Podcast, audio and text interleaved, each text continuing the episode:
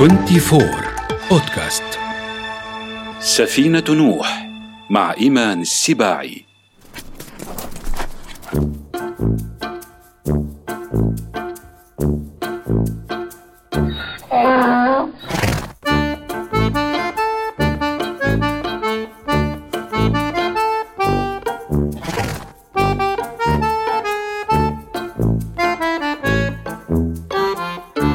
يعود استخدام الحمار كرمز في السياسة الأمريكية إلى الرئيس السابع أندرو جاكسون في حملة الانتخابات الرئاسية عام 1828 وكان جاكسون بطلا شعبيا بعد الانتصارات التي حققها في حرب الاستقلال. رفع جاكسون شعار الحكم للشعب وقد وصفه معارضوه بأنه شعبوي وأطلقوا عليه لقب الحمار يقصدون سبه طبعا. لكنه كان ذكيا فاستخدم الحمار كرمز للمثابرة والتحمل وبالفعل فاز في الانتخابات ليكون السبب وراء استخدام الحمار كرمز للديمقراطيين منذ ذلك التاريخ.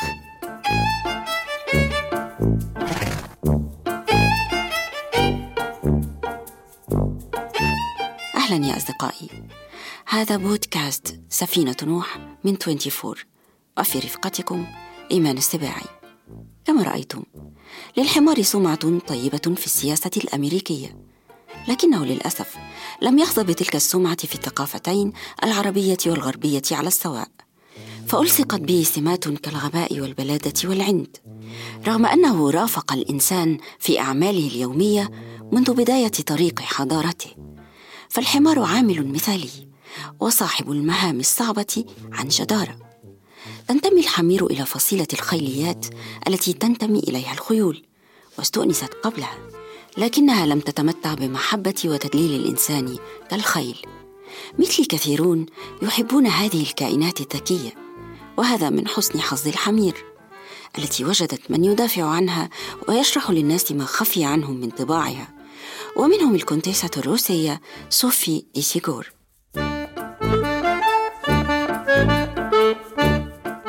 رحلت صوفيا عن بلدها روسيا إلى فرنسا وتزوجت وعاشت بعيدا عن صخب المدينة مع أطفالها الثمانية.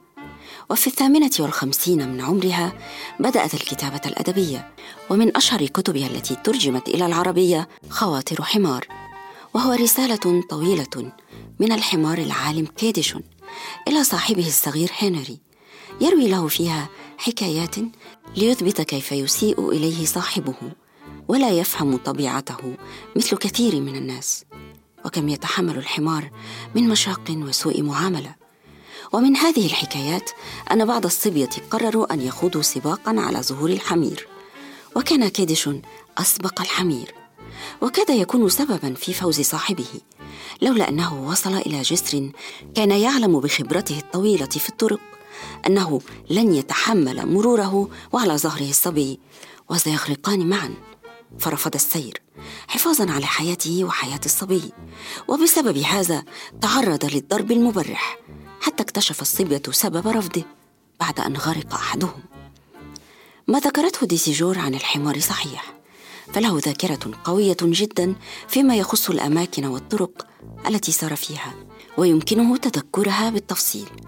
كما يتحمل السير في الطرق الوعرة في الجبال ويمكن أن يعمل دليلا جيدا حتى أنه أفضل من ال GPS. وما يعتبره الناس عندا وخبثا هو حدس قوي يميز به الخطر فيتجنبه. فللحمار غريزة بقاء لا يضاهيه فيها حيوان آخر. الأدباء يعرفون هذا عن الحمار فهو بطل كثير من كتاباتهم. لكن أشهر حمار أدبي هو حمار الكاتب المصري توفيق الحكيم.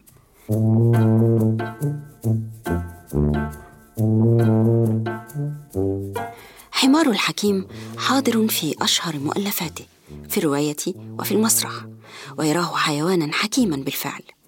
في كتابه حماري قال لي يذكر حكايته مع الحمار فيقول لقد عرفته من صغري في صورة جحش جميل اشتراه لي أهلي بثلاثين قرشا وجعلوه لنزهتي في الريف وكانت له بردعة حمراء جميلة لا أنساها.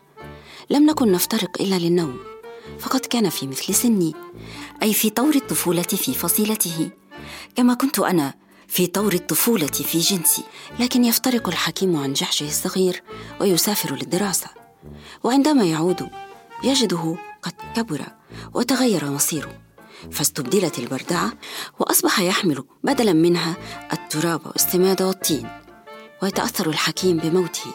ويخلده في روايته حمار الحكيم ويسميه في الرواية الفيلسوف ويجعله أفضل من البشر بل من الحكيم نفسه فلا ينخدع مثل صاحبه بالشهرة ولا تعنيه صورته في أعين الناس وجعل له مصيرا حزينا في عالم لا يقدره. وعلى عكس المعروف عن الحمير من الملاحة والحمق يرسم الروائي البريطاني إريك آرثر بلير المعروف بجورج أورويل شخصية الحمار في روايته الشهيرة مزرعة الحيوان جادة وقوية الملاحظة وأذكى حيوانات المزرعة لذا يستطيع كشف خداع الخنازير.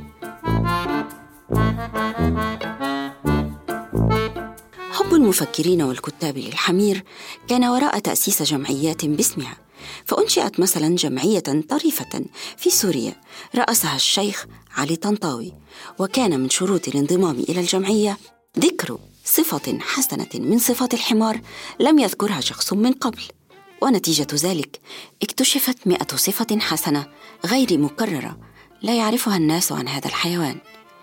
لقد أحببت هذه الفكرة جدا. فليذكر كل منا صفة يحبها في الحمار.